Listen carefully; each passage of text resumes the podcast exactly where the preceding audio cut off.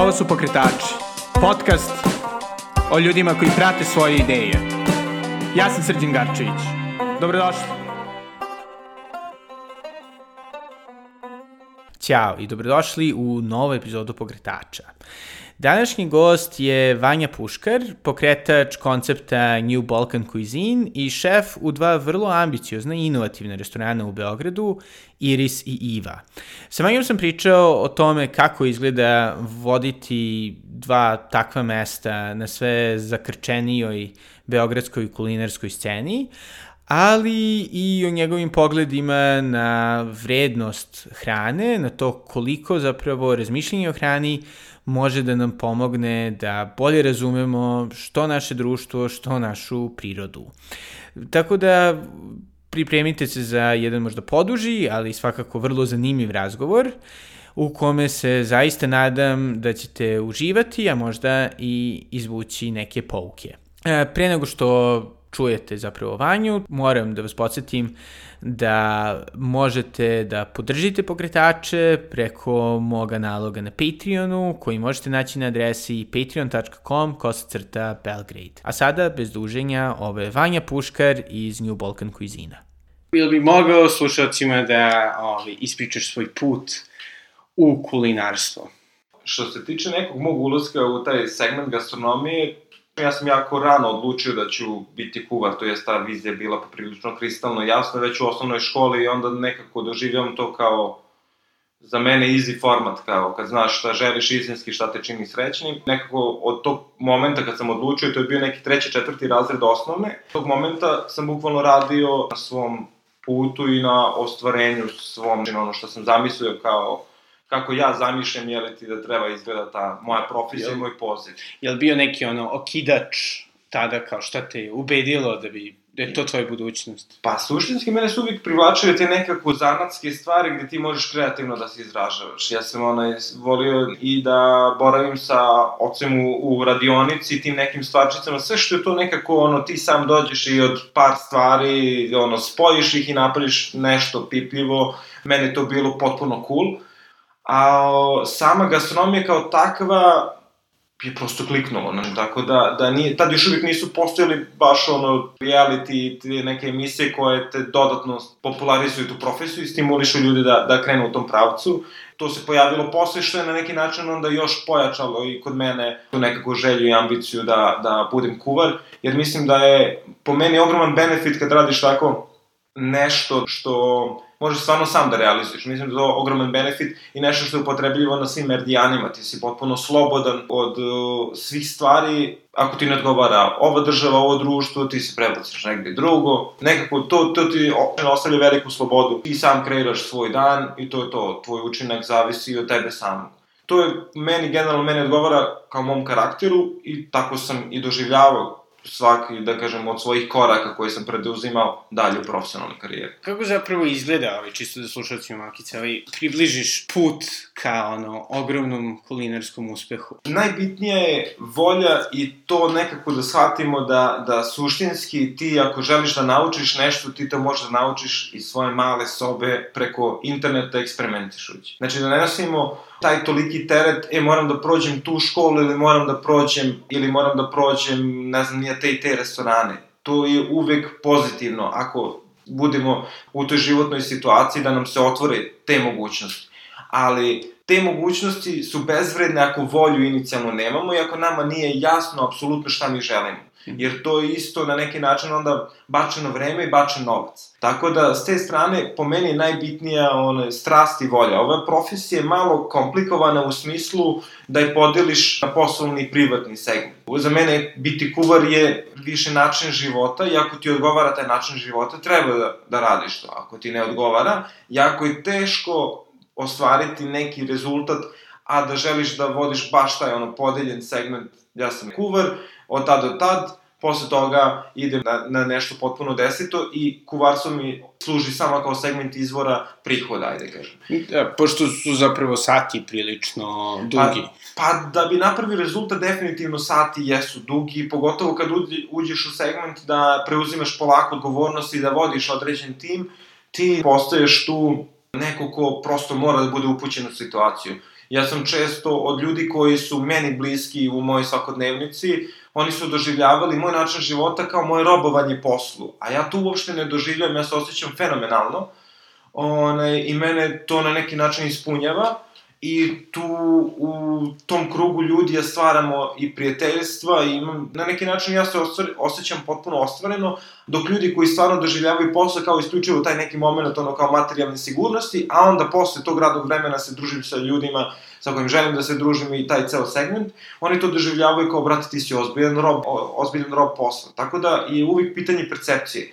Ali po meni, jasna vizija, želja, volja za učenje je ključ da napraviš ne samo u kulinarstvu rezultat, nego u bilo kojoj drugoj profesiji.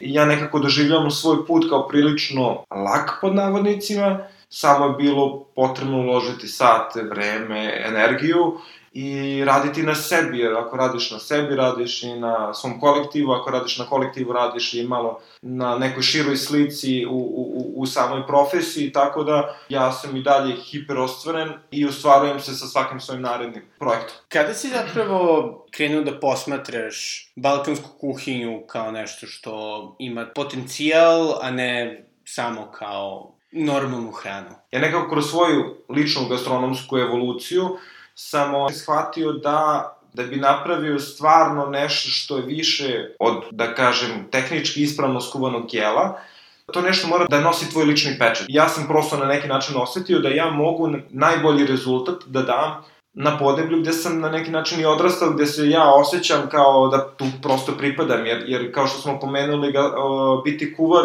je jako fleksibilno zanimanje, ti možeš sada da otputiš Japan, Kinu, Ameriku, ali prosto ja sam nekako doživeo da ja prosto sa ovim namernicama mogu da najbolji mogući rezultati, prvenstveno da sebe ostvarim, a tako da doprinesem generalno afirmaciji ovog podneblja kao neke gastrodestinacije. Mislim da ta vrednost koju ti kroz uh, malo drugačije razumevanje tih namirnica, jer su oni stvarno činilac svog života od rođenja pa do današnjih dana, ja mislim da ti stvaraš malo, daješ jednu dodatnu vrednost samom jelu kao takvom. I možeš čoveku koji je došao da konzumira tu hranu da upravo prezentuješ tu dodatnu vrednost i da ga uputiš u taj segment. I mislim da je to stvarno jako bitna priča, jer kod mene je hrana kao vrednost na visokom nivou i to je moje interesovanje, jednim delom i obsesija. Mislim da, da bi bio dobar prezenter svog proizvoda, moraš da stvoriš sebi komfort zonu onog što komuniciraš. Sam to stvorio kroz priznavanje samom sebi da Balkan je tvoje podneblje i ajde da vidimo šta možemo tu da uradimo i da izvučemo maksimum iz ovog podneblja, jer mislim da kad, kad smo pričali i tim nekim prelomnim trenucima da pokrenemo one, da pokrenemo projekat New Balkan Cuisine. Činjenica je da je jako mali segment proizvoda na nekoj našoj restoranskoj sceni bio domaći i nekako se doživljavala ta lokalna gastronomija kao nešto što je apsolutno na nekom primitivnom stepenu razvoja. Moje lično shvatanje je da ne postoji prestižna gastronomija ili kao neka vrhunska kuhinja, dok je lupa neka druga kuhinja potpuno bizarna ili, ili ono ne manje važna. U pitanju je samo ko je koliko posvetio vremena njenoj evoluciji i razvoju. Mi smo zbog različitih faktora možda u jednom trenutku prestali da one, dajemo značaj našoj gastronomiji jer smo bili nekim drugim problemima i tu se stvorio jedan ogroman vakum gde je naša kuhinja ostala na nekom basic nivou razvoja, dok su određene, da kažem, daleko stabilnije zemlje otišle mnogo daleko i onda je to delovalo kao vidi nas primitivce, vidi šta ovi rade. A u stvari mi samo kroz uložen trud možemo jako brzo da dođemo da našu gastronomiju napravimo uopšte vidljivom za današnjeg savremenog gastroputnika i da mu očuvamo o, osnovne vrednosti naše tradicije i kulture, ono što je karakteristično za sam Balkan, ja gledam Balkan kao regiju jer smo mi kao narodi dosta slični, iako permanentno tražimo neke razlike one, Skandinavija uradila je, je li ti tu neku najkvalitetniju promociju tog trenda koji danas traja, to je taj baš oslat na lokalno i nekako izvlačenje maksimuma iz, iz, iz, iz konkretno tvog podneblja gde ti deluješ. Oni su bili jednu deceniju sigurno najuticajniji, restorani su dolazili i danas dolaze upravo iz Skandinavije sad vidimo da se talas lagano širi na Južnu Ameriku. Po meni, stvarno, možda sam hiperoptimista, ali mislim da je Balkan isto jedna destinacija koja će sigurno u jednom trenutku dobiti svojih 5 minuta da bude u apsolutnom fokusu, jer će imati šta da kaže i šta da pruži. I jel bi možda mogao da približiš slušalcima taj trenutak kada si odlučio da želiš da pokreneš sobstveni projekat, to je ono, restoran, Meni je uvijek bila ideja da stvorim taj mini sistem neki i neku radnu atmosferu u kojoj želim da bivstvujem do kraja svog života na neki način. Da, da okupiš i firmišeš ljude koji ti izuzetno prijeju, da sa njima radiš zajedno na realizaciji određenog proizvoda koji ti ispunjava. E sad, jer za mene, na primjer, najveći problem to kad bi osetio da sam ušao u šablon koji će da tera tako do mog kraja. Znači, koliko god tu ceo finansijski segment pada u vodu, taj šablon bi mene ubio. Znači. I onda je ovaj projekat na neki način baš kreiran kao, kao model permanentnog, ono, možeš da menjaš, možeš da radiš šta ti je volja i komuniciraš publiku koja deli tvoje vrednosti ka hrani. I to na neki način onda nije više relacija restorater-gost, nego više ono tu družina, družba između istomišljenika. Samo što ja u ovom segmentu kuvam, a onaj, ta druga osoba konzumira tu hranu, ali priča poprilično, da kažem, kreativna, rasterećena i pričamo o lepim stvarima. Postavili smo koncept tako da se meni menja na mesečnom nivou da bi ti permanentno zadržao taj kreativni boost, jer to je suština nekog mentalnog zdravlja. Čisto mi interesuje taj početak. Ka kako ti izgledala ta tranzicija od nekoga koji je, mislim, radio negde do toga da si zapravo vlasnik sobstvenog projekta koji skroz zavisi od tebe. Pa pazi, generalno sad, na primjer, kad analiziram taj, taj moment prelomni, kad, kad kažeš kao, ok, sad prestajemo da radimo onaj, u, u restoranu, hotelu, šta god, pokrećemo ovu priču koja će da funkcioniše po principu onaj, tri dana nedeljno, radimo lokalne namirnice, radimo degustacioni meni, i u suštini nekako kad sve te parametre sad sagledam, to je poprilično onako bio jedan hiperoptimizam u tom momentu. I mislim da na neki način onaj, baš nekako mi je to i dalje jako pozitivno, onaj, kad, kad vratim film unazad, ba, baš je nekako sve hiperpozitivno ispalo, ali mislim da je stvarno onaj, rezultat tog pozitivnog ishoda jeste stvarno uložena energija i trud i neko racionalno gledanje na mogućnosti na tržištu. Pored svih na neki način onaj, atipičnih parametara koje smo mi implementirali u naše poslovanje, mislim da je upravo zašto je to sve na kraju i uspelo da se setuje i pored svih saveta ljudi koji su definitivno iz profesije, koji su afirmisani na ovom tržištu, koji su one, imali dobro, dobronamjerne sugestije da budemo bazrevi u ovom elementu ili onom elementu, mislim da, da je upravo ta naša, pod navodnicima, ne mogu reći naivnost, nego ta želja da uspeš u tom, da napraviš stvarno nešto one, o čemu si maštario, na kraju one, i rezultirala stvarno da to bude održivo i da se na neki način realizuje. Kad izađeš isključivo samo iz, iz tog kuhinjskog dela, ti skapiraš koliko tu se otvorilo još nekih dodatnih obaveza, koje neke ti prijeju, neke ti manje prijeju, ali suštinski je jako bitno da to doživljavaš kao opet neko novo učenje. Ja tu uvijek ono sebi postavim, kad mi nešto mrsko, ja to postavim kao, brate, to je jedna nova igrica, ajde sad da, znaš, ono, da, da na neki način nađemo izraz, kako i da taj banalan posao koji tebe užasno nervira, pretočiš u nešto što ajde kažem, na kraju sa zadovoljstvom obaviš. I kako izgledalo baš to učenje u početku? Jako naporno, jako, jako stresno prvenstveno, zato što tebe ta na neki način, onaj, taj, taj start-up preduzetnički, ubaci jedan mod apsolutne nesigurnosti u smislu kako finansijskog dela, tako i tvog nekog vremenskog planiranja, znaš, sve je apsolutno nepredvidivo, a pritom na ovu delatnost koju sam ja izabrao se mno, mnogo faktora utiče prosto na, na, na uspeh ili neuspeh. Treba da proguraš svoj proizvod stabilno u jednom nestabilnom okruženju.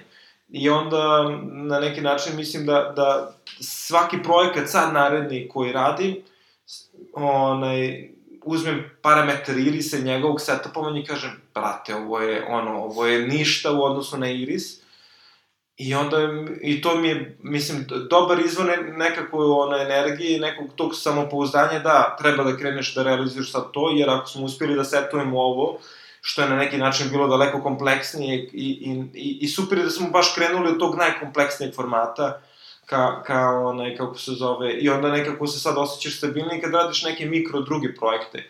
Onaj, tako da, definitivno ta spoznaja, da kažem, izlazak iz kuhinje i ta spoznaja koliko tu još stvari ima. I to je, mislim, jako bitno da, da bi opet napravi neki rezultat i stvarno uspio da promeniš ukupnu organizaciju poslovanja i, i, i nekako da, da nađeš neki novi model organizacije kuhinje i ukupno restorana kao takvog. I, i pritom, jeli, desila se i ekspanzija, sada postoji i IVA. Kako izgleda ta tranzicija od ono imatnja jednog restorana i imanja ono dva restorana, od kojih drugi ima vrlo drugačiji koncept? Mi smo skapirali da s jedne strane definitivno da bi se olakšalo funkcionisanje Irisa, mora da mu se napravi, da kažem, podrška u smislu onaj, još formata koji su manje ili više slični. O, tako da, od samog starta je, da kažem, to i zamišljeno kao, kao, kao koncept, ta New Balkan Cuisine treba da pokrije segment od ono tezge na pijaci i nekog street fooda do, do onaj, ne, nešto što danas zovemo to fine dining, ja, ja stvarno onaj, nešto nisam ljubitelj tog samog naziva, mislim da je... Što? Pa zato što je nekako ono marketinški preeksploatisan i, i svašta nešto se danas zove fine dining, a suština je u kuvanju, u jelu, u servisu, u svemu, energiji, ukupan proizvod, ono je, je, je taj ono prosečan bilo kako, da kažem, o, bilo kakva kategorisanje ili da kažem jurnjava za određenim profilom one restorana neće ti doneti ni dobro ni loše ako ti nemaš jasnu viziju šta suštinski želiš da kuvaš i kako želiš da onaj kako kao kad kuvar kaže želim da budem Michelin star šef. To mu je polazna osnova. Kako tebe, znaš, a koja ti ideja, šta tebe privlači, šta ti leži, gde se ti osjećaš komfortno, znači, moraš da radiš, da stvaraš, I onda, ako dođe potvrda od bilo kog, da kažemo, ono, ili vodiča, ili ustanov, ili šta god, to je samo plus, to je okej. Okay. To je strava i potvrda tvog puta, kao i na dobrom si putu.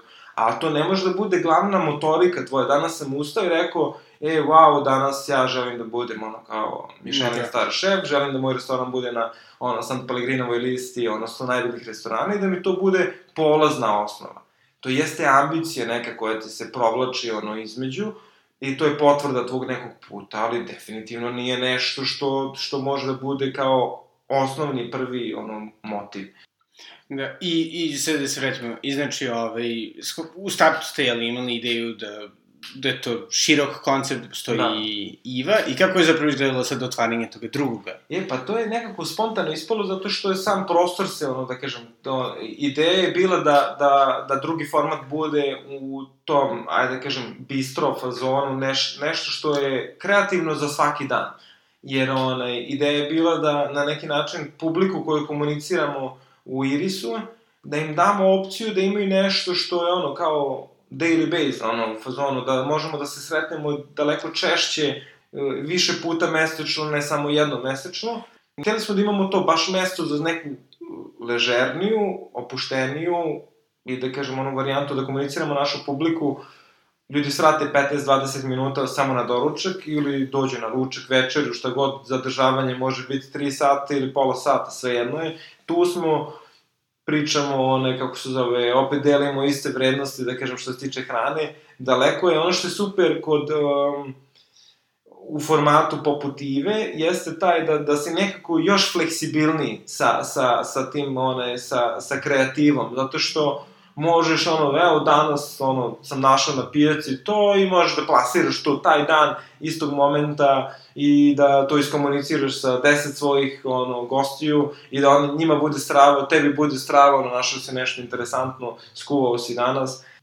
A tu, na primjer, vrednost nisam, nisam sagledao na samom početku, na primjer, uvek sam mislio da će Iris biti taj najopušteniji, najširi, najkreativniji, naj, naj, naj, A ovde, mislim, on jeste, Iris jeste najkreativniji, u smislu imaš, imaš stvarno široko polje, ali ovde si operativniji jer si na dnevnoj bazi. A pogotovo što ljudi su u fazonu, ne očekuju neku hiper, ono, senzaciju tu. Mislim da, da je jako bitno da se svi segmenti razvije, da ljudi skapiraju da mogu i u street foodu da imaju kre, kreativan pristup, da, da, one, da mogu da imaju dobar, kvalitetan proizvod, u svim segmentima, da nije samo nešto vezano za, za ono kao te pod navodnicima skuplje high restorane, tako da. Šta bi rekao da je bilo najteže u ostvarivanju toga koncepta nove balkanske kuhinje? Pa ima dosta stvari koje su mi iznenadile u smislu da, da sam ja doživljavao da će to na neki način jako brzo da se promeni i da će to prvenstveno, koliko god da, da nam deluje da u današnje vreme, pored apsolutno, da kažem, svih mogućih načina komunikacije, da ipak informacije teško cirkulišu između interesnih grupa. Moja zamisao je bila, ako uspemo da izguramo Iris prvi godinu dana, da ćemo na neki način imati taj benefit da nam dosta ljudi iz Srbije regiona šalje u inbox, na mail, ono, stvari koje oni rade i što bi nama moglo biti interesantno za restoran. Da smanjimo taj moment traganja i da ga skratimo na neki način, da uštedimo tu na vremenu i da na neki način nas ljudi pitaju da li vam je interesantno ovako nešto. To je, nažalost, jako mali procentalni udel. Skoro, mislim, skoro da ne postoji. Kod nas i dalje to na neki način, kažem, restoran mora biti taj koji, koji inicijalno pokreće na neki način tu komunikaciju i traga. Ja najviše imam problem sa, sa što smo često kao ljudi ne verujemo u dobru nameru i neki, da kažemo, ono, zdrav interes, normalan tok stvari. Kod nas interes one, se doživljava kao nešto loše, jer ljudi gledaju na interes kao nešto kratkoročno, sad mora da bude, sad to nešto, ja tebi uradim ovo, ti meni nešto drugo. Pogotovo u ovom mi, mikro preduzetničkom momentu, jako je bitno građenje tog zdravog odnosa i te predusretljivosti i razumevanja, da kažem, svih učesnika u transakciji. Jer mi smo na neki način onaj, usresliđeni jedni na druge, da bi, na, da bi napravio dobar proizvod, ja moram da, da imam odlične saradnike. Onda je moram da gradim stabilnu mrežu ljudi koji će da meni osiguraju taj benefit da ja radim ono što želim da radim i da stvaram ono što želim da stvaram.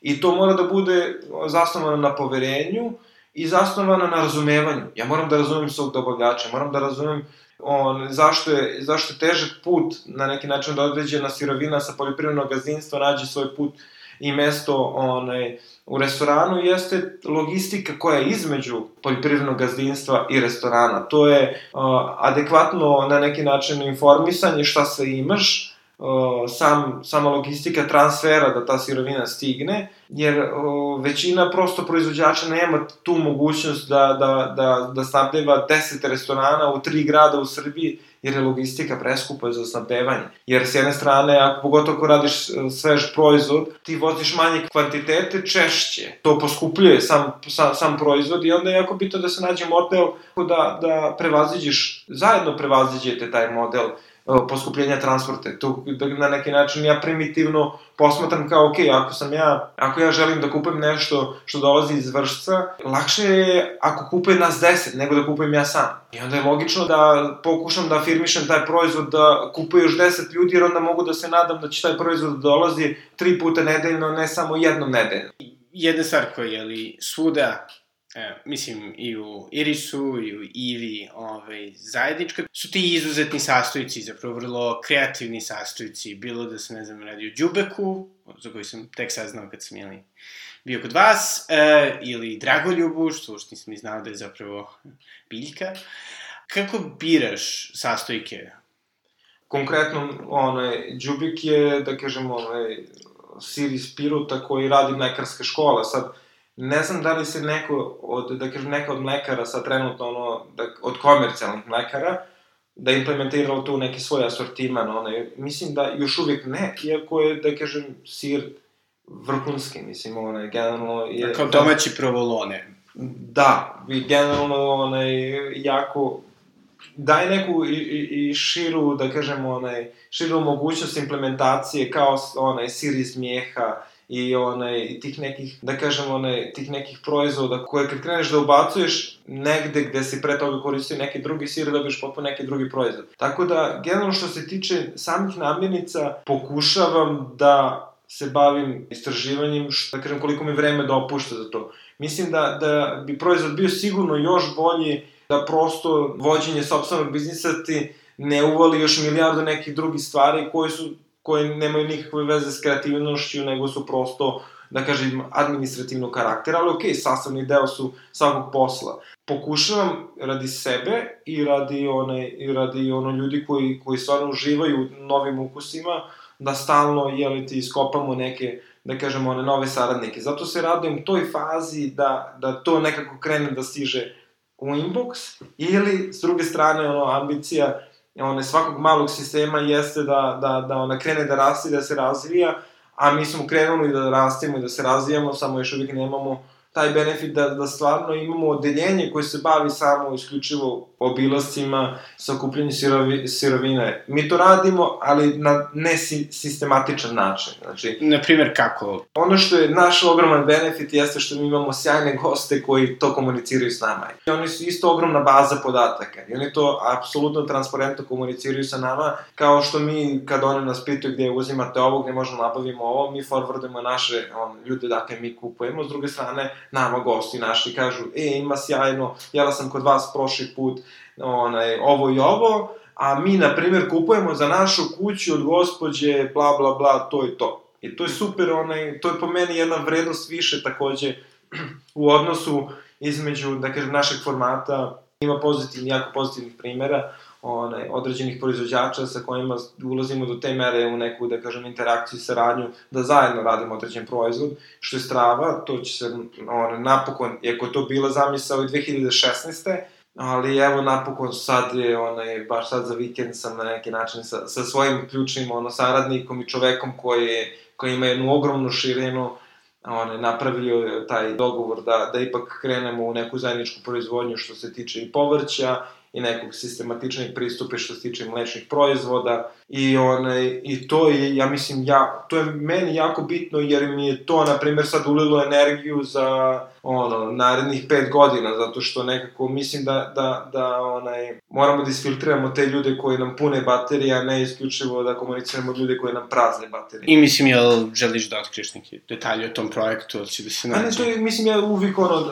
zo, to je gospodin Zoran Petrov, generalno vlasnik onaj mlekare Petrov i poljoprivrednog gazdinstva Petrov, koji u suštini, ajde da kažem po meni, onaj čovek koji, koji se apsolutno posvetio biodinamici, biodinamičkoj poljoprivredi i afirmaciji generalno u, u Srbiji tog modela proizvodnje. To je jedan saradnik koji ti stvarno daje na neki način onaj, dovoljno doze energije da, skapi, da skapiraš da si na dobrom putu one, i prosto je otvoren ka svemu i između ostalog on je upravo onaj, i bio u fazonu ti znaš koliko ono, zemlje imam, dođi, radi šta god ti je volja, daj da stvaramo nešto zajedno, potpuno ono, šta god da tebi padne na pamet, daj da radimo to zajedno ovdje kod mene, čisto da na neki način onaj, da gradimo još i produbljimo, što nas povezuje jeste da ta ideja treba da živi. Ja sad imam vremena do sledećeg onaj, marta da se mi interno organizujemo što se tiče onaj, ko šta gde kako unutar te naše male proizvodnje preuzima koje obaveze, tako da imamo dovoljno vremena da za sledeću godinu budemo ono, apsolutno spremni da, onaj, da damo još jednu dodatnu, da kažem, alatku našem sistemu da bude još kreativniji i da sebi olakša onaj, poslovanje i funkcionisanje. Taj segment popularizacije određenih pojmova, malo čas smo se upatili za fine dining, sad se sad ću se osvrnuti na, na organic, zato što mislim da u Srbiji u segmentu tog pojma organic se našlo mnogo ljudi sa pogrešnom pobudom i uradilo je baš jako loš marketing za organic, zato što organic je za nekog prosječnog konzumera hrane samo vid duplog maržiranja, troduplog maržiranja jedne hrane koja je... Prilično nekvalitetne hrane, često.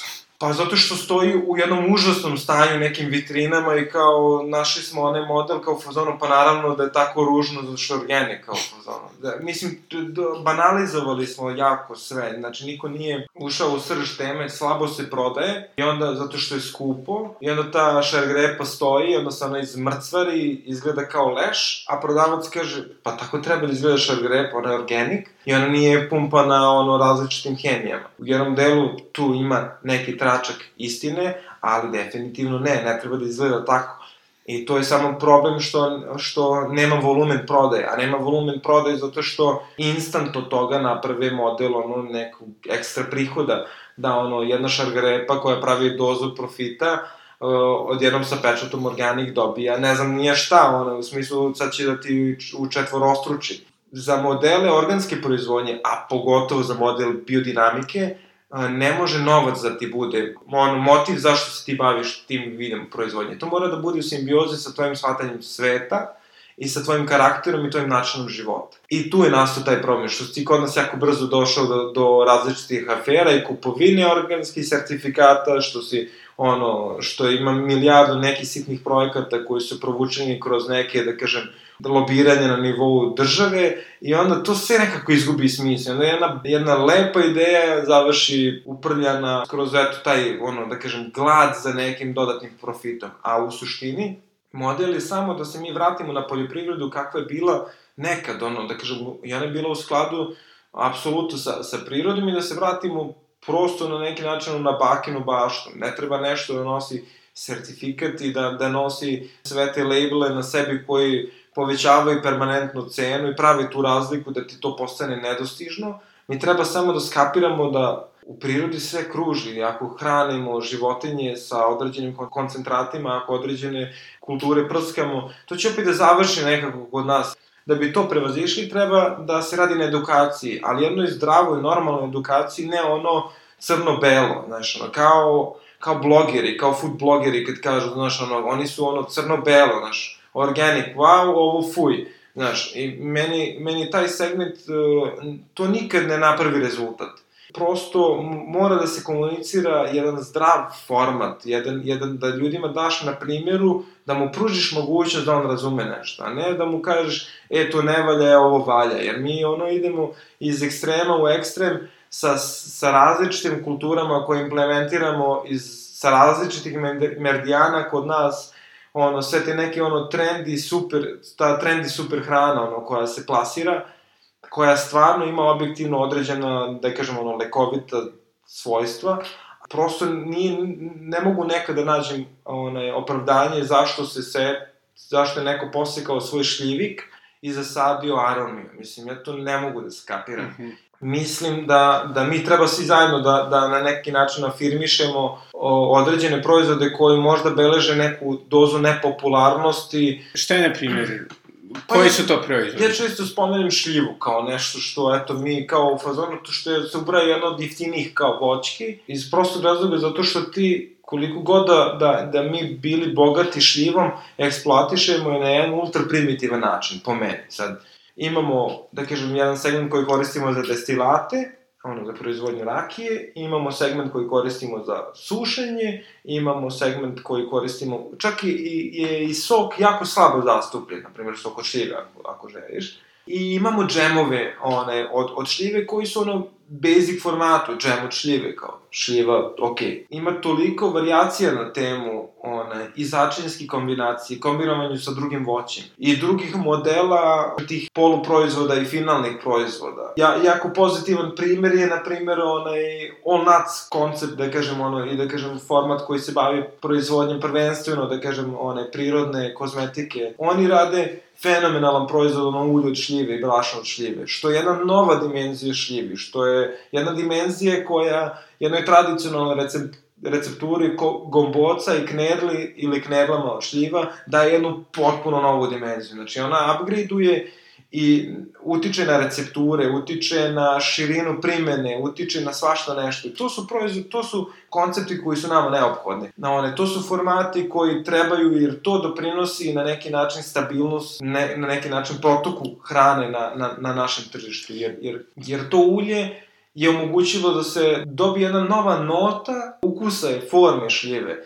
Proširio se paletu ukusa isto, istog proizvoda i na neki način našao si novi metod prerade i to molnacu je sad potrebna i on sad kupuje jednu dozu šljiva. Tako da našao si novo kupce, našao si onaj, taj kupac je dao jednu novu dimenziju tom voću. To je fenomenalna stvar i to je jedan za mene ono najslikovitiji primer kako od jednog onaj, voće koje mi doživljamo jako banalno, jedno, kao jako svakodnevno, no, kao okej. Okay.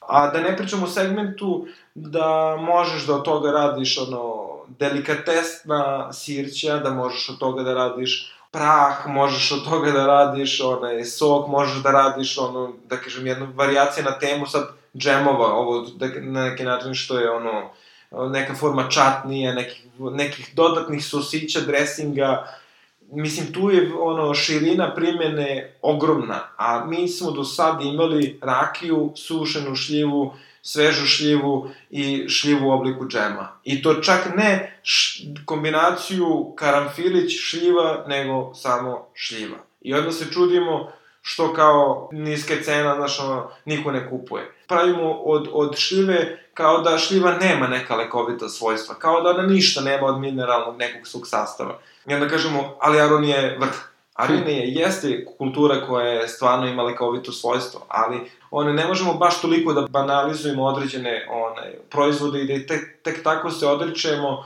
jednog na neki način porodičnog nasledstva, jer meni je to, to je meni fenomen koji, koji me najviše nervira u toj celoj priči, da. što su ljudi toliko potpuno su onaj, bez vere u svoj sobstveni proizvod. I to je ono što mene naj, naj, što je na neki način i, i najbolje opisuje generalno naše tržište. Kad tebi neko donese proizvod koji radi i kaže pa šta znam zašto ti to možda upotrebiš, eto mi to radimo, mi radimo da Pa ja da radim, da uzgajam nešto, ja bi se toliko pozabavio sa šta se sad ti možeš od toga da uradiš. Mene bi to ložilo, vrate, to nema veze sa poslovnim modelom, to, to nekako ima tu dozu ono poštovanje proizvoda koji radiš. Pa onda dođeš i kažeš, e, vidim ti imaš, na primjer, ovaj, ovo i ovo, imaš ulje od peršuna, e, vidiš, ja radim one, ovo začinsko bilje, ono ti se super one, sjedinjuje na toj temperaturi, tu ćeš da sačuvaš njena svojstva, bla, znaš, ti neke informacije bi nama stvarno kuvarima značilo. I krajnjem kupcu, krajnjem, ono, i na pijaci kad prodi neko i kaže, e, ovo kašiku ovoga u med i ti si. Te neke informacije su neophodne. Veći deo naše, da kažemo, poljoprivrede je oslonjena na to, ja to samo proizvodim. Ja to proizvedem i odvezem traktorom do neke tačke gde taj neko treba da to nešto otkupi od mene i šta će on s tim da radi, mene ne zanima apsolutno. E, to je razlog zašto imamo i te česte probleme ona, i oko otkupnih cena, zato što smo na neki način dozvolili da se igraju sa nama. Jel postoji recimo neki ili sastojak ili proizvod koji misliš da je gotovo skroz izgubljen na Balkanu, a koji bi volio da vidiš da se vrati. Da, da se restartuje. Ili da je ono previše u zapećku, da je postao gotovo obskuren. Recimo, ne znam, ja sam čuo tek pre dva dana da smo ranije tradicionalno, za vreme, ne znam, Vase Pelagića, pili kafu od ovog žira. Naprimer, ta, ta priča o, o žiru je baš interesantna, zato je, to je, da kažem, oni se ubraju onaj redak broj proizvođača koji su nas kontaktirali i super je, prema meni je to fenomenalno, mi smo implementirali žir odmah u, u, u naš, onaj, da kažem, oktobarski meni, zato što mi je bilo fascinantno. S jedne strane mi je bilo interesantno gde ja kao neko ko se jeli ti cima i stvarno pokušava nešto da, da, onaj, da bude upućen, koliko mi je žir promakao kao kao sirovina koja može da se koristi direktno da, na neki način u ljudskoj ishrani. Ja, na primjer, isto za tu kafu nisam apsolutno čuo nikad. Potpuno jedan proizvod koji je definitivno ogroman potencijal i, za, i sad je samo potrebno da, da zajedno poradimo na njemu, da ga na neki način one, da vidimo sve modele primene te sirovine, ali je jako kvalitetno odrađen taj inicijalni pristup samog proizvođača. Znači, on ga je već o, napravio paletu određenih proizvoda. Znači, on je doneo brašnog žira kao jedan monoproizvod, ono, žir i brašnog žira, to je to. Znači, on je, on je već ulio jednu vi, više dimenzionalnost tog proizvoda i dao njegove osnovne karakteristike već, šta, šta se dešava, u kom procentu utiče na, na absorbovanje vode, na povezivanje tečnosti, ka, u kom procentalnom udelu treba da se one, meša sa ostalim brašnjima i bla, To su sve informacije koje su stvarno jako bitne. To je, na, na primjer, za mene jedan jako pozitivan primer kako treba da neko se bavi s obradom određene namirnice, kako treba da pristupi u, u, u komunikaciji plasmana tog proizvoda.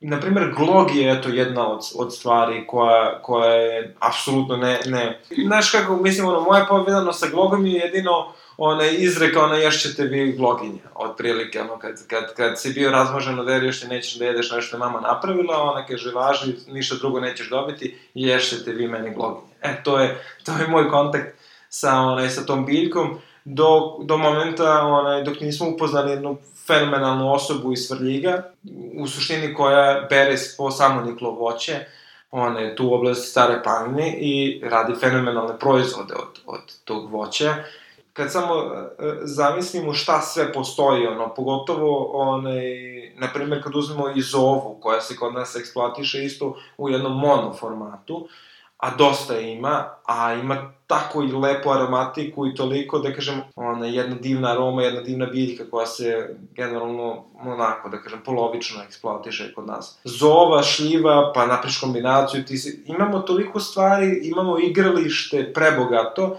a, a mnogo smo i dalje monotoni u tom spajanju, znaš, ono, i dalje smo, ja ne znam šta je problem da uradiš eksperiment, da uzmeš, ono, 10 kila šljiva i, ono, podeliš na po kilogram i spojiš ovo s ovim, ovo s ovim, ovo s ovim, i, ono, ako ništa, uradiš degustaciju sa svojim unucima, sa svojim sinovima, sa svojim čerkama, ženom, šta god, i vidiš šta, kako reaguje, mislim, presudno je na neki način taj moment da se hrana opet vratila u fokus, i to je strava stvar.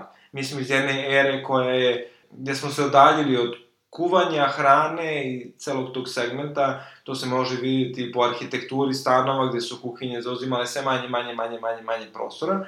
Opet smo se kroz inovativne restorane i jednu popularizaciju naše profesije i generalno restoranskog biznisa vratili fokus na hranu gde ljudi iz drugih delatnosti ozbiljnu razonodu pronalazi baš u kuvanju. I to je jedan nov model, opet, da kažem, hrana je, po meni je, ti ne možeš da izbrišeš iz svakodnevnice, ona je stvarno mora da, ona je jedan prebitan faktor svakodnevnice.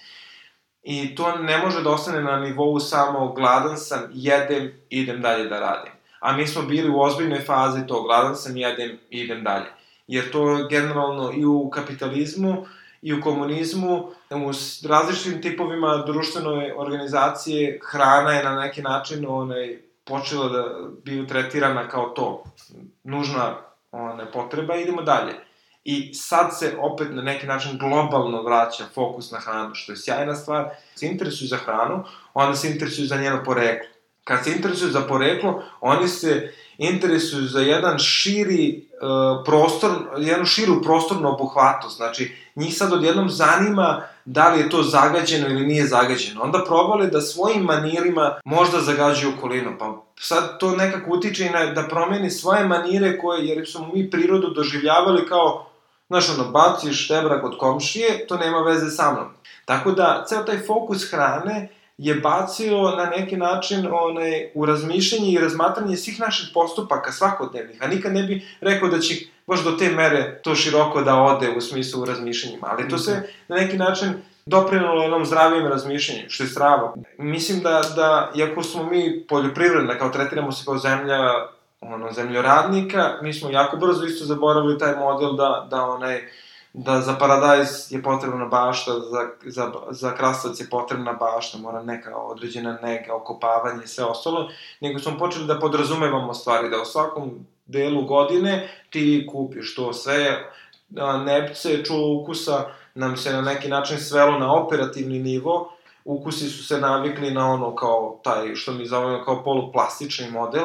To mi je, na primjer, fascinantno koliko smo mi uspeli da, da brzo to zaboravimo da, iako su naše, da kažem, u 80% naše bake su se bavile nekim vidom poljoprivrednog ono, delovanja. Mi, ja, već danas smo kao većina da. ljudi naših godina je ko izgubilo taj osjećaj uopšte koliko je hrana bitna za ukupno zdravlje za, i da je stvarno bitan faktor u životu. Da, one, da je to kolevka svega, apsolutno, da. što se dešava u našem filmu. Da, mislim što je prilično zanimljivo, dosta ljudi, ovaj novi, da kažem, foodie pokret, u suštini svodi isključivo na, ono, ne znam, lepe fotografije na Instagramu. Čisto ono, komodifikaciju, da, da, već ono, e, inferiornih proizvoda da, da, da, na da. bolji način, da. Blogovanje o hrani je strava pojava, zato što to opet na neki način doprinosi one afirmacije hrane. Ono što je jako bitno samo da, da proširimo polje delovanja i pisanja i razumevanja, mislim da će to u mnogom da utiče na neš, naš ukupan neki mindset. Znači, ne, neće se zadržati tu isključivo samo, neće se odraziti samo na hranu, nego više nekom generalnom shvatanju uh, sveta oko sebe, jer vidim, na primjer, da sve više ljudi reaguje na neadekvatno bacanje smeća. šestrava. Pre toga je bilo ono, a, vrate, ko će sad smajla, ti sad pričaš tu ko ono glad u Africi, razumeš, ono, protiv nekih, ono, one, globalnih problema u kojem, znaš, ne, kao u fazonu ne može da se izboriš sa tim. Ali vidim sad da se vraća taj moment društvene osude. To je strava stvar. Društvena osuda mora u jednom segmentu da postoji, jer je ono preventivno preventivno deluje na ljude koji razmišljaju da da učine nešto pogrešno ili da ne učine nešto pogrešno. I Vanji, koliko misliš zapravo da u Beogradu ima još prostora za koncepte poput tvog? Beograd definitivno kao tržište to može da, da, da one, ima sluha za takve stvari, za projekte koji su, ja, ja ih zovem subjektivne projekte, gde ti nešto plasiraš kako ti zamišljaš da to treba da bude i stvarno se cimaš da to na neki način bude kvalitetno i da stvarno ne praviš kompromise neke banalne u plasiranju toga. Imamo dovoljno broj publike da prosto može da iznese sigurno još, još 4-5 irisovih formata one, na, na teritoriji Beograda, jer, jer to sve doprinosi ukupnoj afirmaciji i širenju publike te. Jer nije poenta da, da bilo šta ostane kao usamljeno i kao ti radiš to nešto sam i ti si jedini, Poenta je da pružiš ljudima što veću širinu, jer svako ako unosi dozu sebe i svog ličnog pečata, onaj, pristup je isti na neki način, ali rezultat različit. I onda to daje jednu dozu, ono, jednu širinu i to će da privuče neku novu publiku, to će da, da na neki način poveća ono što je sad trenutno niša, možda će u jednom trenutku one, postati na neki način malo, malo šira grupa ljudi neki novi trend.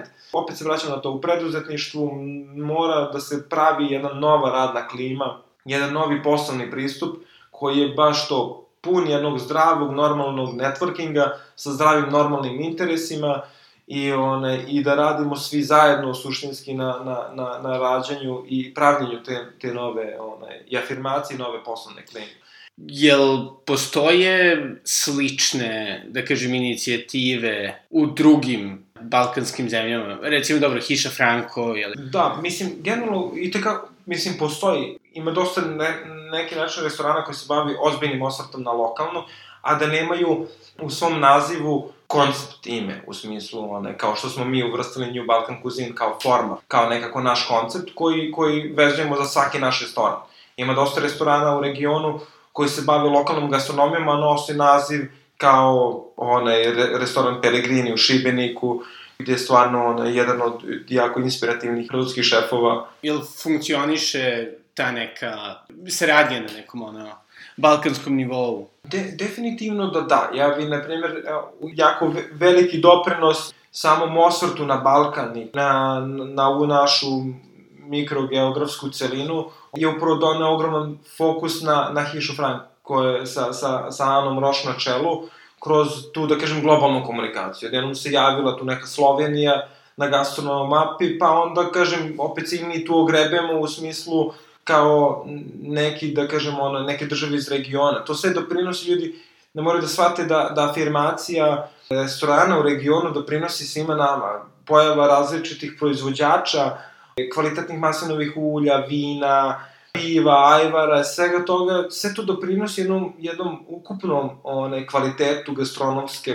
one, te palete i nekako pojačava verovatnoću da ćemo mi dobiti stvarno naš reflektor u jednom trenutku. Stvarno doprinosi ta celokupna situacija, počeo da kažem ono to od, od Slovenaca Hiša Frank, pa restoran JB, ima tu milijardu, da kažem, drugih mikrokoncepta, da kažem, i restorana po, po Sloveniji, Hrvatskoj. Istra je uradila jedan fenomenalan pristup, da kažem, afirmaciji jednog jednog regiona, ono, Hrvatska kao jednog svog regiona i uradila je najbolji mogući marketing za, onaj, za jedan vrlo ograničen vremenski interval. I radi, uradili su to hiper uspješno i to je ono što je, što je na neki način meni žalosno, što jako slabo to copy-pastujemo.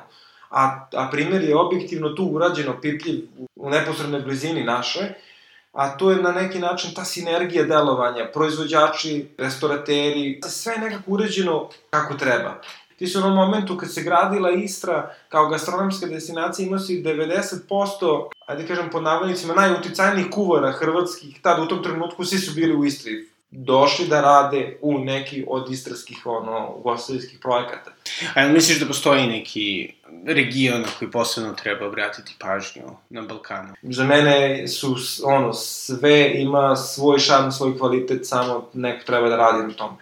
Ali definitivno ono za početak što treba da uradimo jeste da, da očuvamo naš prvenstveno ekosistem koji smo sad počeli hiper onako da kažem kvalitetno onaj da uništavamo i da vratimo ponos i ljubav ka zemlji, ka, ka svojim tim kvadratima. Znaš, nekako smo sve preveli u, u, u onu, na neki način u evre, a onda to je nekako izgubilo svoju, svoju suštinsku vrednost, nego se prešlo u te evre, neko dobi manje evara, neko više, ali smo definitivno izgubili konekciju sa, sa ono odakle potičemo naše i izgubili smo tu dozu zdravog ponosa. Znači, ti kod nas sad trenutno po meni u mainstreamu je više ne negativni naš ponos, ja to ne, znaš, tu sa mene budalaštine, ali, ali kad bi ta doza tog budalastog ponosa prešla bar delom onaj pravi kakav treba, a, jeste, a to jeste da poštujemo prirodu, poštujemo ljude koji nas okružuju, poštujemo one, tačnije sve što nas okružuje i, i želimo na neki način da živimo u skladu, mnogo šta bi se promenilo stvarno. I mislim da, da bi uopšte mi izgradili imidž kao zemlje ili kao, kao neki podregion za određen proizvod, moramo da imamo tu dozu stvarno kvalitetnog ponosa, ponosa u koji verujemo apsolutno, onaj, da bi uopšte mogli to da plasiramo, da bi imali kredibilitet. Jer, jer ovako, kad smo autodestruktivni i kad apsolutno sve osuđujemo što dolazi sa ovog podneblja, onda onaj, ne možeš ni da očekuješ da će nekako onaj, oko potrošača biti drugačije, ono, on ti on gleda, vidi ovo, brate, šta se tripuje. Mislim, po meni to nije nešto o čemu maštarimo i sanjamo i nešto je nerealno, to je apsolutno najrealniji neki restart koji može da se desi a samo na način da, da prosto krenemo da, da obraćamo pažnju tokom dana na, na određene stvari i to će se lančano promeniti i boljitak će se osjećati neovisno od koje je politička stranka na, na, na čelu države ili, ili oni šta nam se plasira kroz onaj određene medije. Mi sami treba da kreiramo taj sadržaj, tako da sve, sve je suštinski u našim rukama. Mene nervira samo taj moment gde mi uvijek kažemo ne mogu ja to da promenim ili neću ja to ili šta sad za, da gubim vreme uzalud ili šta god. Zato je bitno, kažem uvijek, da tu promenu implementiraš u svoju svakodnevnicu, a ne da, da, ono, da se sve svodi na pištanje na ulici i blokiranje nečeg, znaš, nego više bi volio da, da pozitivnim primjerom nekako menjamo stvari, a ne samo isključivo skretanjem pažnje. Skretanje pažnje je sastavni deo promena, ali nije jedini, jedina alatka za, za promene. Promene moraju stvarno da budu na neki način da pokažeš, da kažeš, e, više, ovo je sad moguće ovako, ne da samo govorimo, e, moguće je drugačije, nego konkretan primjer, brate, evo, ja radim ovako. I to je bio Vanja Puškar iz New Balkan Cuisine. Nadam se da vam se naš razgovor svideo. Ukoliko jeste, takođe bih hteo da vas pozovem da razmotrite da pokretače i moj blog The Natural Times podržite i finansijski preko Patreona na adresi patreon.com kosacrta Belgrade. Do sledećeg slušanja, doviđenja.